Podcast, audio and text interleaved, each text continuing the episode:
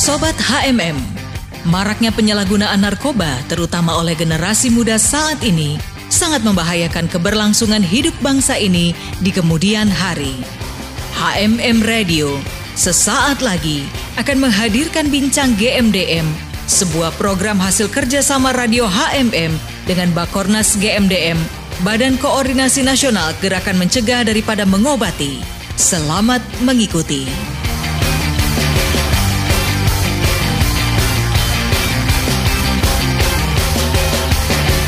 Dari kawasan Sentul Bogor, Indonesia, HMM Radio Operation Worship and Unity. Sobat HMM senang sekali saya Obet boleh kembali hadir untuk temani Anda dalam talk show dengan GMDM Garda Mencegah dan Mengobati.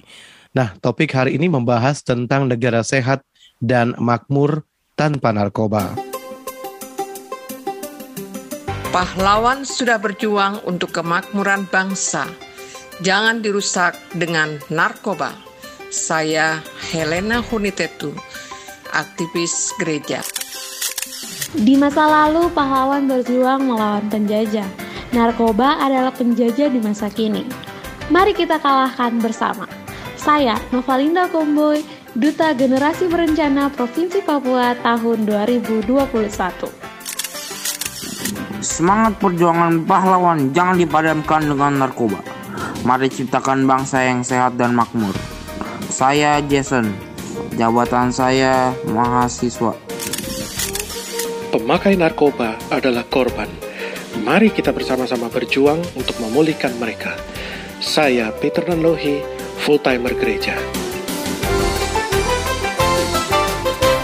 Bersama saya sudah hadir dan bergabung ya via Zoom narasumber dalam perbincangan kita hari ini. Saya ingin menyapa dulu Shalom untuk Bung Ferry Apriando Gurning. Shalom Bung. Bung Obed. Iya, puji Tuhan kita boleh kembali berbincang hari ini ya. terima kasih kesempatannya. Iya, kami juga terima kasih buat waktunya nih Bung Ferry. Kemudian Siap. Bung Ferry tidak sendirian. Ini Bung Ferry dari Crown Ministry. Kemudian tidak sendirian ada Bung Ibob David. Bung Ibob Shalom dari Game Shalom. Bung Obed, Shalom.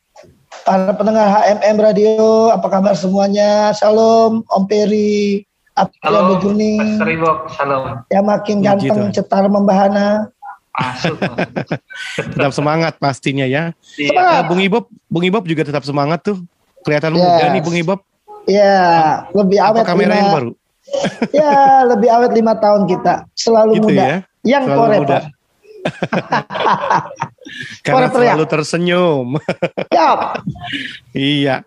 Oke, Bung Ibob terima kasih. Bung Ferry juga sudah bergabung bersama dengan kita Sobat HMM. Dan di hari ini kita akan membahas topik mengenai negara sehat dan makmur tanpa narkoba. Saya coba ke Bung Ferry dulu nih. Bung Ferry, negara yang sehat dan makmur itu seperti apa sih? Negara Silakan, sehat dan makmur itu adalah negara yang menghidupi sila kelima kesejahteraan bagi seluruh rakyat Indonesia, keadilan sosial bagi seluruh Indonesia lebih tepatnya. Itu jadi negara sehat bagaimana masyarakatnya merasakan keadilan di secara hidup bernegara jadi mereka merasakan eh, bagaimana pemerintah memberi perlindungan, memberi pengayoman dan menampung semua aspirasi masyarakat. Nah, di situlah dikatakan negara sehat dan yang kuat gitu. Jadi negara yang benar-benar benar bisa menerapkan dan mengimplementasikan Pancasila secara konkret. Demikian, Bung Obed. Iya, jadi menurut Bung Ferry, uh, masyarakat yang merasakan keadilan dalam satu negara itu membuat negara sehat dan makmur, begitu ya Bung Ferry ya? Betul sekali Bung Obed. Aspirasi semuanya ditampung, begitu? Betul. Iya, saya coba ke Bung Ibob. Bung Ibob, negara yang sehat dan makmur seperti apa nih, Bung? Apakah sependapat dengan Bung Ferry? Negara yang adil, negara yang menampung aspirasi. Walaupun kita melihat nih, Bung Ibob, ada juga yang masih nyebar hoax, menyerang pemerintah dan lain sebagainya. Gimana nih, Bung Ibob? Silakan. Ya, negara yang sehat dan makmur adalah negara di mana suatu negara yang pola sistem kehidupan masyarakatnya mereka mengerti tentang kesehatan dan juga tentang keadilan yang merata bagi semua rakyat atau bangsa yang ada. Nah, bicara tentang hal itu semua tidak lepas dari kesadaran pribadi tentang arti kesehatan dan juga bicara tentang konsentrasi atau fokus perhatian pemerintah kepada masyarakatnya sendiri, yaitu bagaimana masyarakat yang sehat dan juga makmur kehidupannya. Ini yang menjadi hal yang utama yang saya lihat masyarakat yang iya. sehat, adil dan makmur. Demikian Pak Ubed. Iya, Bung Ibob. Jadi memang masyarakat yang adil dan makmur. Walaupun yes. memang kan pemerintah sebenarnya sudah menampung aspirasi rakyat nih, Bung Ibob. Tapi hmm. masih saja ada nih beberapa masyarakat yang seakan-akan tidak puas, ya, ya, akhirnya ya. melakukan hal-hal yang apa ya. ya tidak sesuai. Ya. Bahkan juga kita tahu ada hoax nih, Bung Ibob. Ya. Nah itu That's gimana itu, ya. Bung Ibob? Ya, Apakah tetap bisa dikatakan sehat ya. nih negara seperti ini? Ya, betul. Silakan. Oke, kalau dalam suatu bangsa atau berbangsa, berpolitik, sering kali kita dengar kata oposisi.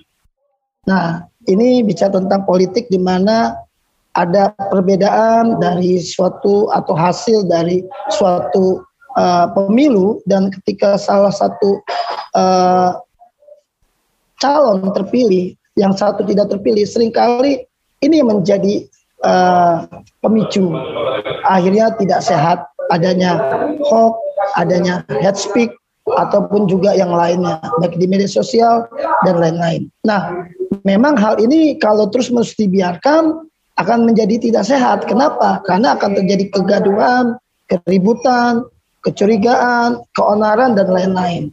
Memang ini yang harus diwaspadai, dijaga oleh kita semua dengan dasar spirit NKRI, Negara iya. Kesatuan yeah. Republik Indonesia. Seperti itu hmm. Bung Obed yang saya bisa yeah. sampaikan. Luar biasa nih penjelasan Bung Ibob nih. Memang seorang patriotisme. Merdeka. ya, Bung Ibob ya. Merdeka. Merdeka.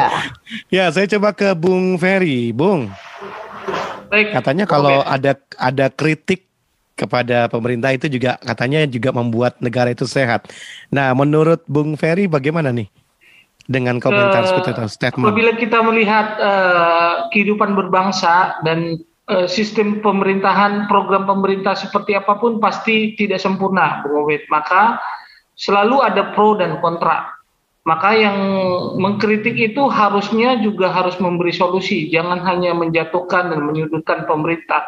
Kita tahu pemerintah kita tidak sempurna, tetapi kita sebagai masyarakat, sebagai Eh, penduduk Indonesia kita harus mendukung eh, semua program pemerintah demi kebijakan masyarakat secara luas. Jadi walaupun kita temukan banyak banyak sekali kekurangan, tetapi kita harus berusaha untuk mendukung pemerintahan yang ada, bukan untuk menyudutkan atau mensalah-salahkan atau mendemonstrasi, merusak dan melakukan tindakan-tindakan yang merugikan bangsa dan negara apalagi diri kita sendiri gitu Bung Obed. Jadi iya. Itu harus ada sebenarnya di dalam kehidupan iya. berbangsa. Jadi tetap ada kritik itu baik untuk berbangsa dan bernegara untuk ya. satu kemajuan bangsa itu ya. Betul. Tapi tetap kritik yang bagaimana ini yang ya. bisa diterima. Harus kritik ya. bersama dengan memberi solusi memberi solusi. Jadi jangan cuma kritik, ya, betul. tapi harus memberi solusi. Tepat jangan juga sebarkan hoax seperti tadi Bung Ibo bilang, karena ya. itu akan mengganggu sehatnya, makmurnya negeri kita tercinta Indonesia. Ya, membahas tentang topik kita, di mana uh, beberapa hari yang lalu sempat ada pembahasan bahwa ada beberapa organisasi bahkan juga ada beberapa orang yang berjuang agar adanya undang-undang melegalkan yang namanya narkoba khususnya ganja untuk alasan medis nih Bung Ibob dan juga Bung Ferry. Tapi memang Indonesia tetap tegas. Nah, beberapa negara selain Indonesia yang juga menolak legalisasi ganja, ada juga Malaysia, Rusia dan China mereka ini menolak legalisasi ganja karena dianggap masih tergolong obat berbahaya atau kita juga kenalnya dengan uh, sebutan narkoba ya ini satu kesatuan juga dalam narkoba. Nah, saya coba ke Bung Ibob. Bung Ibob, apa sih dampak negatif narkoba pada sebuah negara. Silakan Bu.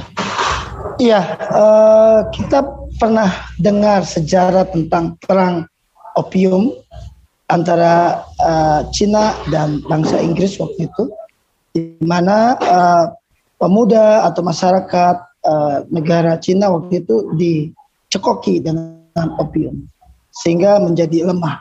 Itu menjadi sejarah yang sering kali diungkapkan ataupun disampaikan oleh Pak JP Tambayong sebagai Ketua Umum GMDM dan POKAN. Nah, kalau suatu negara penduduknya, masyarakatnya, ataupun juga pemudanya memakai barang-barang seperti itu, narkoba, pasti akan dipastikan negara itu akan runtuh.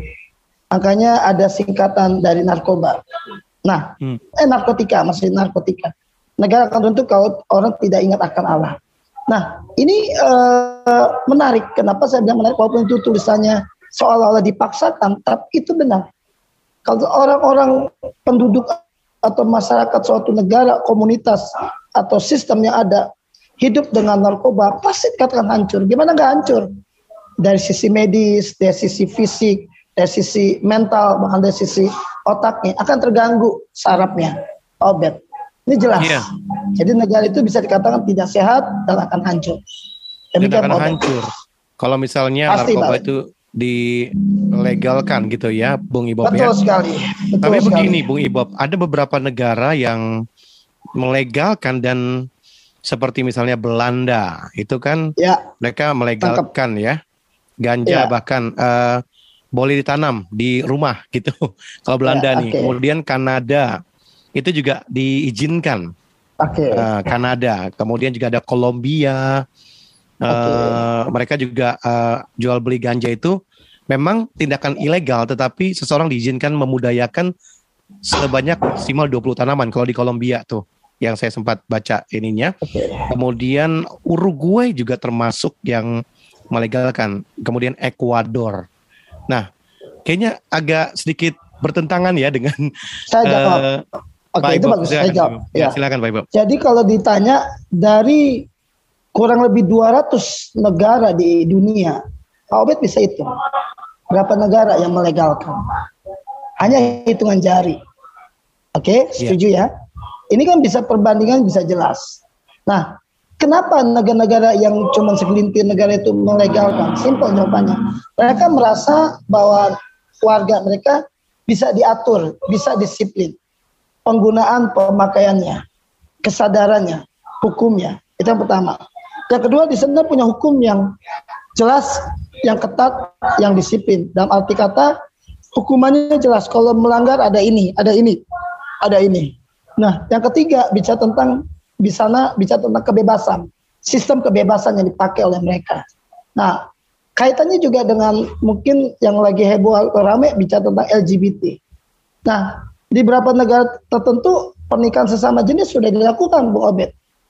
Nah ini yang ya. yang tidak semua negara melakukan Bung Obed, tapi di situ negara yang mengalami kebebasan bersuara, hak persamaan hak mereka. Nah hal-hal seperti ini yang mendukung negara-negara itu melakukan pelegalan narkoba di sana. Karena tadi kesadaran para pemakai menggunakan narkoba itu sebatas apa? Itu satu. Kedua, ada hukum yang tegas ketika mereka melanggar. Dan yang ketiga adalah karena adanya hak persamaan yang mereka sudah sepakati kebersamaan ini. Nah, tapi di Indonesia ini yang harus kita lihat sisi-sisi yang lain, plus minusnya dan banyak hal. Seperti itu, Bung Obed. Iya, jadi memang luar biasa nih penjelasan Bung Ibob ya. uh, tentang memang beberapa negara itu memang mengizinkan, tapi kita bersyukur ya di ya. Indonesia tegas hukumnya tegas, tidak mengizinkan jadi semuanya juga tertib walaupun memang masih ada aja yang tidak taat begitu ya Bung Ibob ya. Betul sekali.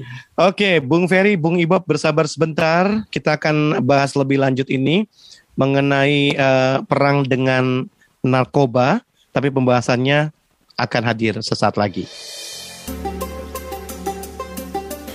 Jangan diam dengan mereka yang menyebar narkoba, karena hal ini merusak cita-cita para pahlawan yang telah berjuang bagi keutuhan bangsa.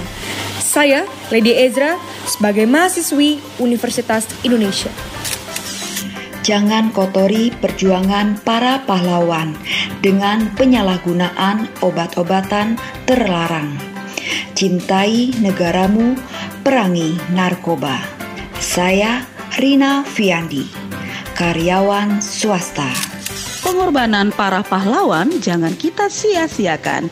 Mari bersama teruskan perjuangan mereka dengan perangi narkoba. Saya Mirna Hutajulu, guru SMPN Negeri 86, Jakarta. Para pahlawan berjuang untuk kemakmuran bangsa. Isilah cita-cita mereka yang rela berkorban dengan hal-hal yang positif. Saya, Keisha Natasha Siregar, siswi SMP Negeri 86, Jakarta.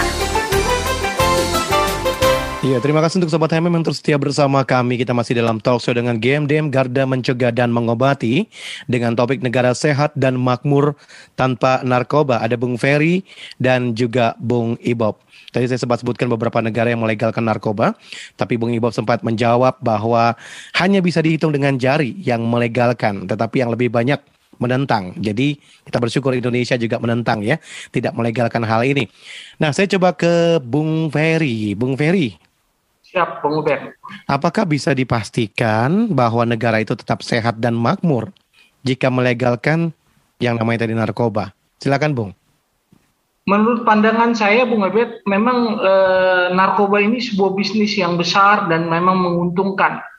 Tapi kita tahu e, dampaknya e, di dalam kesehatan kalau dipakai, apalagi dipakai berlebihan, maka e, harus di, suatu bangsa harus bisa mengendalikan narkoba. Makanya setiap bangsa, setiap negara itu punya badan narkoba, badan narkotik hmm. nasionalnya mereka masing-masing untuk mengendalikan narkoba. Karena faktanya, walaupun dilarang pun uh, baik dilegalkan dan diilegalkan tetap peredaran dan ini ada tetap masif secara besar dan memang memiliki kekuatan keuangan yang besar seperti Kolombia, di mana kartel-kartelnya itu bisa mempengaruhi apa politik dan kebijakan di dalam pemerintah sehingga mereka bisa tumbuh subur kuat karena keuangan mereka itu eh, keuangan besar negara itu juga masuk dari mereka gitu. Pajak-pajak mereka hmm. juga masuk ke, ke dalam pemerintah nah gitu. Nah ini sulit untuk mengendalikan seperti ini.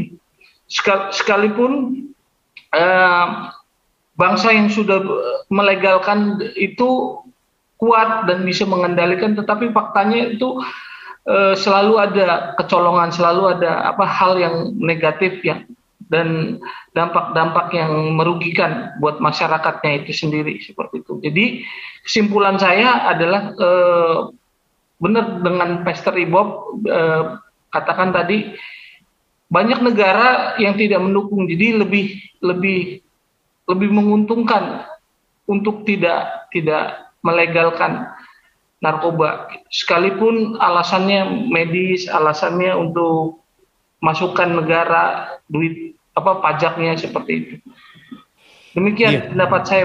Iya, Bung Ferry. Saya setuju walaupun dilegalkan tapi pengawasan juga kadang-kadang memang bisa lengah ya. Iya, bisa betul. lepas dari pengawasan ya. Benar Tidak juga apa yang Bung betul. Ya, tidak terkendali. Benar juga Bung Ferry.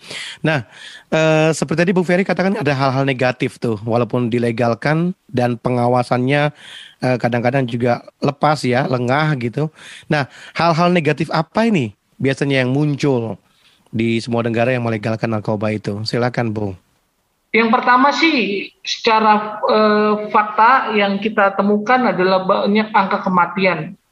Terus e, angka kejahatan akan meningkat seperti itu Bung Obed. Sebab hmm. e, ketika kita menggunakan narkoba maka setiap individu yang menggunakan narkoba itu tidak terkendali. Maka dia hidupnya akan tidak terkontrol. Maka dampaknya kejahatanlah yang akan muncul dan timbul kayak gitu. Nah, sebenarnya ini efek yang efek domino eh, yang harus dicegah dari awal yaitu pencegahan tidak di atau tidak di, disetujuin atau tidak dilegalkannya narkoba nah gitu dilegalkan ya. pun kadang-kadang kecolokan apalagi enggak maka sebab itu pemerintah harus bisa mengendalikan eh, obat terlarang ini untuk benar-benar uh, agar tidak dikonsumsi oleh banyak orang seperti itu, Bung Ben.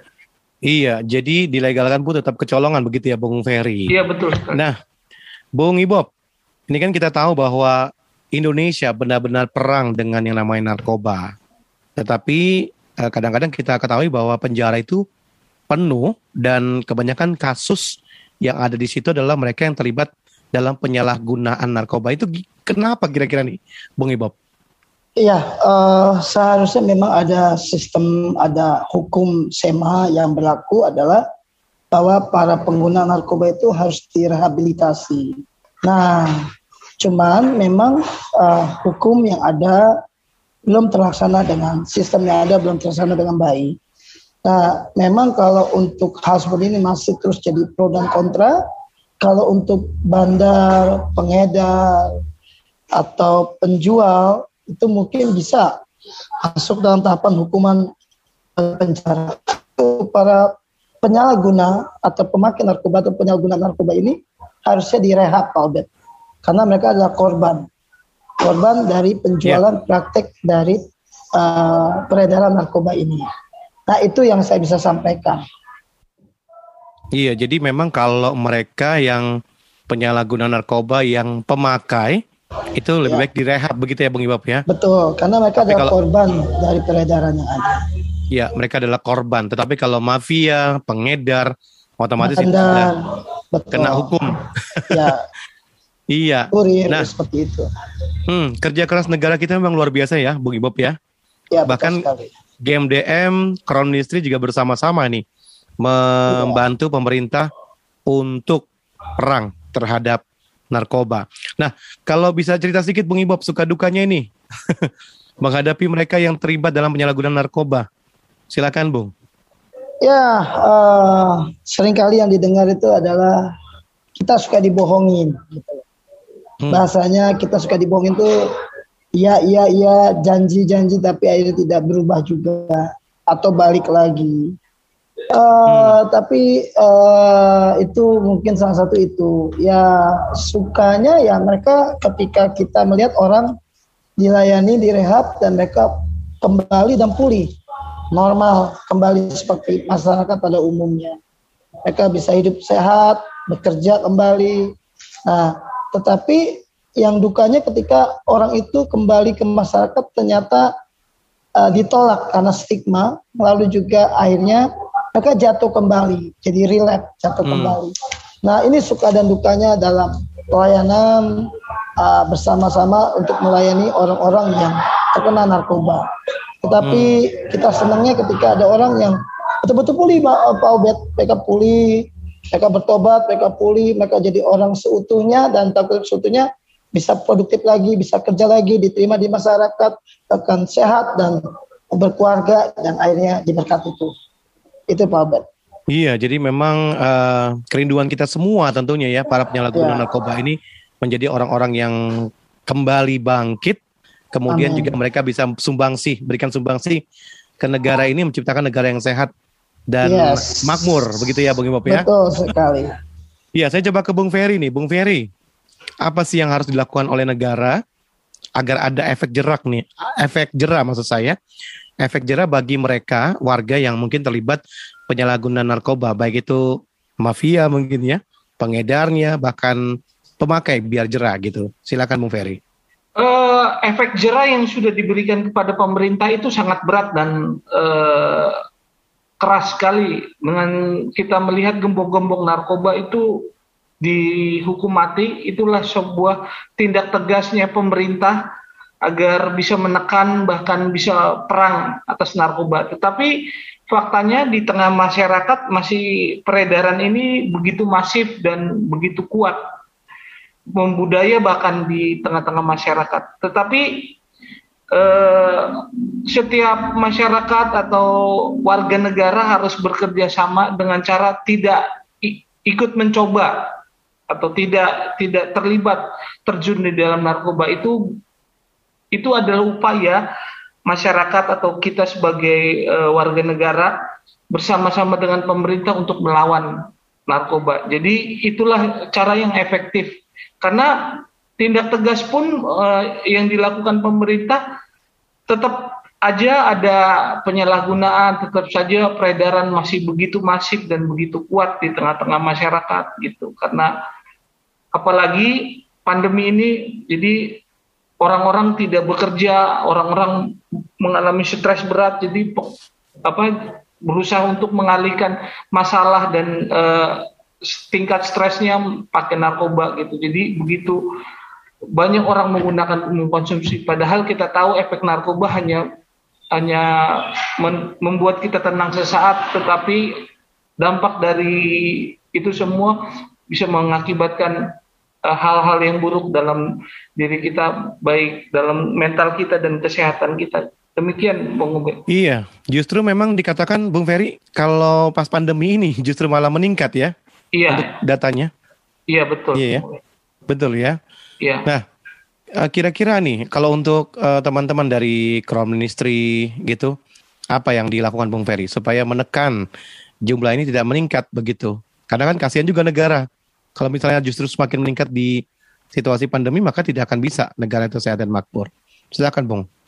Uh, kita harus punya kesadaran yang kuat di dalam diri kita bahwa kita bisa melewati semua ini dengan dengan baik dan kita juga bisa tanpa narkoba untuk uh, melewati setiap tekanan dan masalah karena bukan kita sendiri semua orang mengalami hal yang sama itu baik yeah. miskin dan kaya semua mengalami hal yang sama tetapi kita harus meyakinkan diri kita kita bisa melewati itu semua gitu jadi dengan tidak seperti tadi statement yang saya sampaikan kepada sobat HMM di mana pun uh, sobat berada kita dengan cara untuk tidak mencoba, tidak memakai itu bekerja sama dengan pemerintah untuk melawan bahaya narkoba di tengah bangsa Indonesia.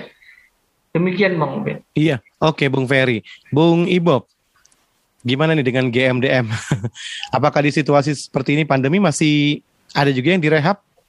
Iya, uh, puji Tuhan kemarin saya uh, ke rumah rehab ada sekitar 15 sampai 20 orang ada orang-orang yang direhab.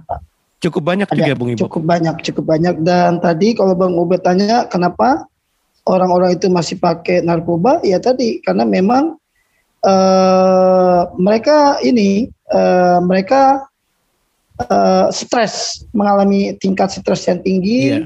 karena efek dari pandemi tidak ada pemasukan, tidak ada income, lalu juga uh, mereka pusing, stres karena di rumah aja, nggak bisa ke mana-mana. Dan itu kemarin baru saya dapat video dari teman saya keadaan di suatu kota di negara bagian Amerika. Seperti itu Bung Obed.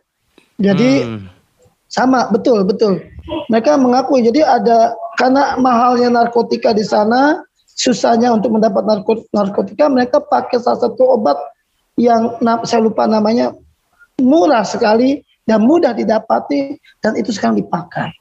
Waduh. Itu yang dipakai. Waduh. It, itu uh, karena uh, dalam video itu narasinya karena mereka udah stres dampak hmm. dari pandemi ini yang berkepanjangan, tidak ada income, tidak ada pemasukan, bahkan juga mereka cuma di rumah doang. Nah ini larinya ke hal itu karena tadi buat mereka tuh mungkin fly ataupun menghilangin uh, kesuntukan, masalah atau kebosanan atau kejenuhan. Nah hmm. ini yang dilakukan oleh mereka. Seperti itu, mau dasar itu aja sih alasan. Padahal mereka nggak tahu ya, Bung Ibob ya. Make itu ngilangin suntuk. Ya. Setelah efek apa hilang, suntuknya malah nambah. nah ini nah, kan jadi hmm. ini kan jadi pelajaran ya. bagi banyak orang bahwa hidup itu harus dihadapi, ya. hidup itu harus dijalani. Hidup itu harus dilewati, bukan dihindari. Nah, dalam hidup ini penting dihadapi, dijalani, dilewati. Kalau kita dihindari, maka kita potong pintas ya seperti itu. Dan mereka tidak tahu bahwa celakanya setelah memakai narkoba, masalah itu bukan selesai, tapi bertambah-tambah. Seperti hmm. itu, Bung Abed. Jadi ingat, Sobat HMM, entah siapa pun Anda yang saat ini mungkin mendengarkan bahwa memakai narkoba justru tidak menyelesaikan masalah, justru menambah masalah. Betul sekali, betul sekali. Ya, Sobat MM, peran Crown GMDM menciptakan negara sehat dan makmur tanpa narkoba sangat terlihat dan kita akan bahas sesaat lagi. Keluarga itu buat saya adalah tempat yang paling nyaman di muka bumi ini. Tuhan berikan keluarga sebagai tempat menaruh segala perasaan, baik itu senang ataupun sedih. Tempat untuk meluangkan segala rasa. Keluarga adalah lembaga terkecil yang Tuhan bentuk atau ciptakan. Keluarga itu bukan hanya sekedar sekumpulan orang yang memiliki ikatan darah dengan kita, tetapi keluarga itu adalah rumah di mana kita bisa berpulang ketika kita lagi di low position in life. Keluarga itu bisa jadi healing pills, bisa jadi penyembuh, bisa jadi obat waktu kita lagi uh, semua hal-hal yang nggak baik yang terjadi di dalam hidup kita. Keluarga menurutku adalah suatu ruang atau tempat di mana bisa bebas melakukan apa pun, atau berekspresi seperti apa tanpa adanya diskriminasi atau judgement terhadap kita. Dan bisa jadi pilihan sandaran ketika berada di titik terlemah kita dari hiruk pikuk dunia luar gitu dengan cukup berada di tengah mereka itu udah berikan ketenangan dan kenyamanan.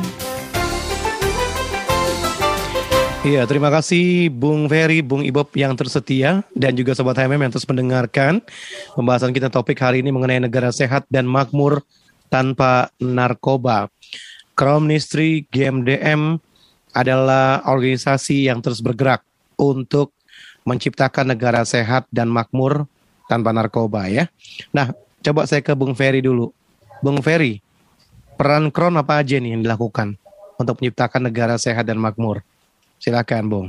Memang uh, peran Kron itu memang tidak besar, tetapi hal melalui hal-hal yang kecil yang berdampak itu yang kami lakukan seperti yang kemarin sudah kami lakukan kami membagi-bagikan bako dan kami juga selalu mengadakan uh, doa doa setiap hari.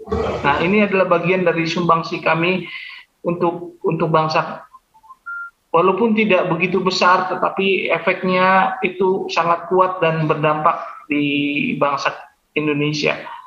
Demikian Bung Obed. Ya, sebenarnya uh, bukan tidak besar, Bung, tapi justru malah berdampak kalau saya lihat ini. Oh iya. ya kan? Siapa yang mau memberikan waktunya untuk mendampingi mereka yang terlibat penyalahgunaan narkoba, apalagi mereka yang pasti kan kalau menggunakan narkoba ya Bung Ferry ya, Bung ya. Ferry sering melihat kan mereka kan pasti ada yang sudah nggak nyambung, ada yang telat mikir.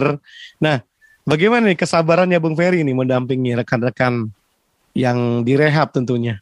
Ya, ya itu kembali semangat untuk uh, punya bakti atau sumbangsi kepada bangsa Indonesia dengan cara ya kita mendampingi teman-teman yang yang yang kecanduan narkoba agar mereka bisa sembuh bahkan kita bisa kembalikan kepada masyarakat dan boleh bisa uh, memperbaiki dirinya dan mem membangun bangsanya gitu. Jadi, jadi itulah hal-hal yang bisa kita bagi dan kita berikan kepada bangsa yang sederhana tetapi begitu kuat pengaruhnya di bangsa iya.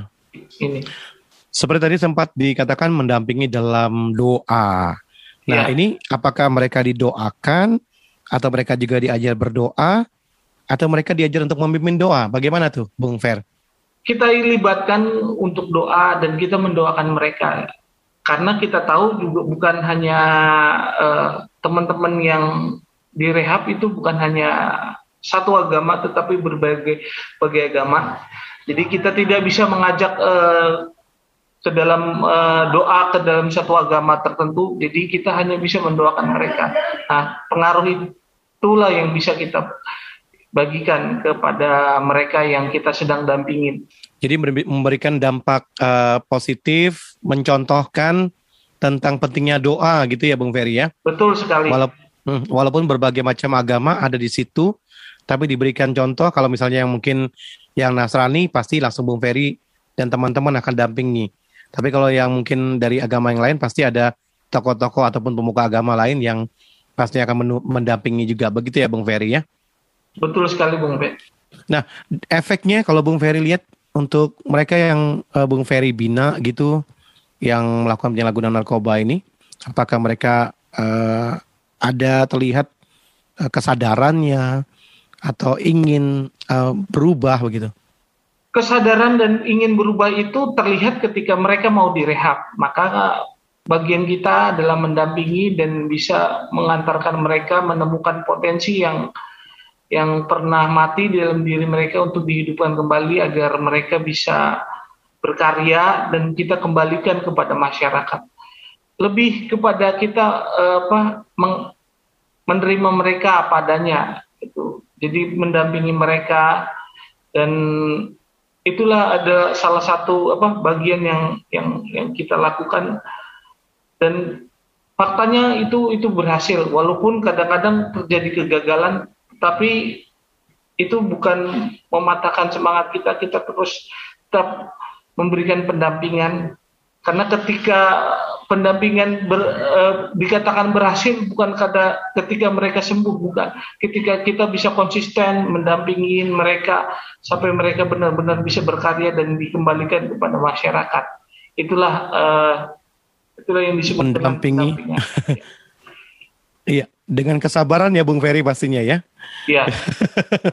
tidak apa? Tidak mau menyerah walaupun ada tantangannya. Gak mudah sih memang benar tidak mudah. Ya jadi memang dari sisi rohaninya ini ada Bung Ferry yang mendampingi ini Kron ini Sobat MM juga bagian dari GMDM tapi khusus untuk menangani secara rohani dan juga uh, ibaratnya mensumber melatih untuk mereka menjadi orang-orang yang uh, apa ibaratnya bermanfaat di luar nanti. Ya, saya coba ke Bung Ibob. Bung Ibob, untuk game DM sendiri, perannya untuk menciptakan negara sehat dan makmur tanpa narkoba. Nah, kalau game DM kan pasti luas nih bergeraknya. Silakan Bung Ibob.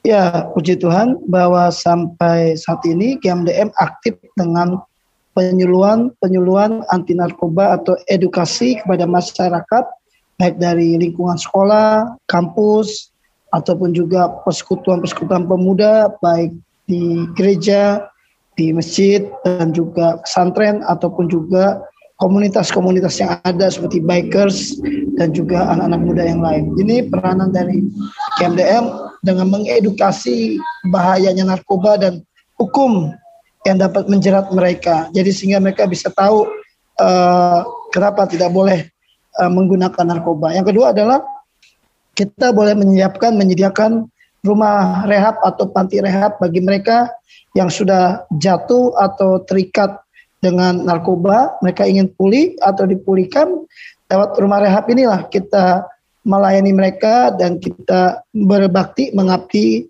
untuk menuju tadi negara sehat yang adil dan makmur tanpa narkoba. Jadi kita kasih rumah rehab ini di mana mereka dididik, dilatih dan juga uh, dilayani dengan baik secara rohani dan mental mereka, secara disiplin diri mereka. Lalu yang terakhir adalah adanya eh, bantuan-bantuan hukum bagi masyarakat yang tidak mengerti, tidak paham hukum-hukum uh, atau pasal-pasal yang berkaitan dengan narkoba. Nah, kita bantu untuk lewat LKBH, lembaga uh, kajian bantuan hukum yang diberikan uh, oleh GMDM kepada masyarakat yang membutuhkan.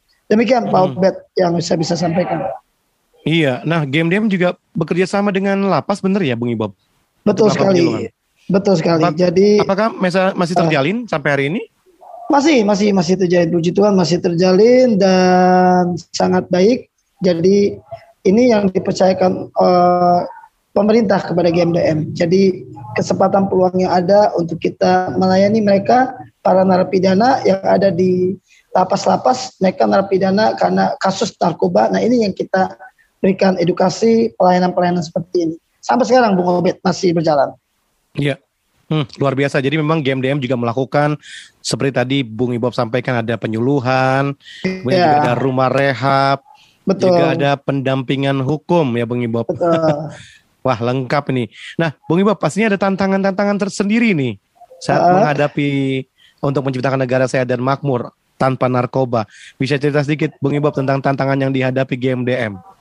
Ya, paling tantangannya adalah uh, kadang kita merasa tanda kutip uh, sendiri di lapangan karena begitu banyaknya uh, orang-orang yang mungkin belum terlibat aktif dalam gerakan penyuluhan anti narkoba atau edukasi. Yang kedua, masih banyak juga masyarakat yang tanda kutip cuek, apatis, masa bodoh dengan hal-hal seperti ini, kasus-kasus seperti ini. Namun ketika keluarga mereka terkena ataupun terjerat, baru mereka sekali berpikir bahayanya dari penyalahgunaan narkoba ini. Nah, ini yang terjadi Bu Abed yang memang ya. menjadi tantangan. Bahkan kadang di lapangan tadi ada hukum-hukum yang mungkin uh, harusnya tadi bukan di penjara tetapi direhab. Nah hal seperti ini yang di lapangan uh, kadang menjadi satu tantangan tersendiri, Bung Abed. Nah, jadi memang butuh dukungan juga dari masyarakat ya, Bung Ibob ya. Betul sekali, betul sekali. Bahaya narkoba ini dan pergerakan kron, ministry maupun GMDM ya. memang perlu sekali uh, masyarakat juga mengetahui bahwa bahaya narkoba itu dapat menghancurkan negara, bahkan membuat negara Betul. tidak sehat dan makmur. Nah, saya coba ke Bung Ferry nih. Bung Ferry bisa kasih statement tentang topik kita hari ini mengenai negara sehat dan makmur tanpa narkoba. Negara sehat dan makmur adalah negara yang berkeadilan sosial bagi seluruh rakyat Indonesia dan negara yang terus berperang untuk melawan narkoba dan masyarakat ikut aktif untuk bersama-sama pemerintah berperang melawan narkoba dengan cara tidak mencoba atau tidak memakai narkoba. Sama-sama katakan stop pada narkoba. War yeah, to drugs. Stop terhadap narkoba, war to drugs. Baik, terima kasih Bung Berry. Uh, Bung Ibob, kita sudah di penghujung yeah. talkshow kita. Kita bisa tutup dalam doa. Silakan okay. Bung Ibob. Mari kita berdoa bersama-sama. Bapak terima kasih buat hari ini. Kami bersyukur buat anugerah Tuhan. Kami percaya bahwa kami sedang menuju mewujudkan Indonesia bersinar, Indonesia bersih narkoba. Satu negara yang sehat, adil dan makmur dalam kehidupan bermasyarakat. Kami percaya dari Sabang sampai Merauke, dari Sangir Talaut sampai Pulau Rote, dan setiap kota, wilayah, kabupaten, bahkan juga provinsi, bahkan sampai lingkungan RT RW, Tuhan jamah, Tuhan lawat. Kami percaya bagi Tuhan tidak ada mustahil. Berkati aparat keamanan, berkati pemerintah, baik RT RW, lurah, camat, bahkan juga sampai bupati dan wali kota, bahkan juga sampai gubernur dan juga pemerintah pusat. Tuhan berkati satu kesatuan bersama BNN maupun juga uh, Polri Tuhan memberantas narkoba yang ada sampai Indonesia bersinar Indonesia Amen. bersih narkoba. Tuhan Yesus berkati. Amin. Amin. Baik, terima kasih Bung Ferry Ministry, Bung Ibob dari GMDM.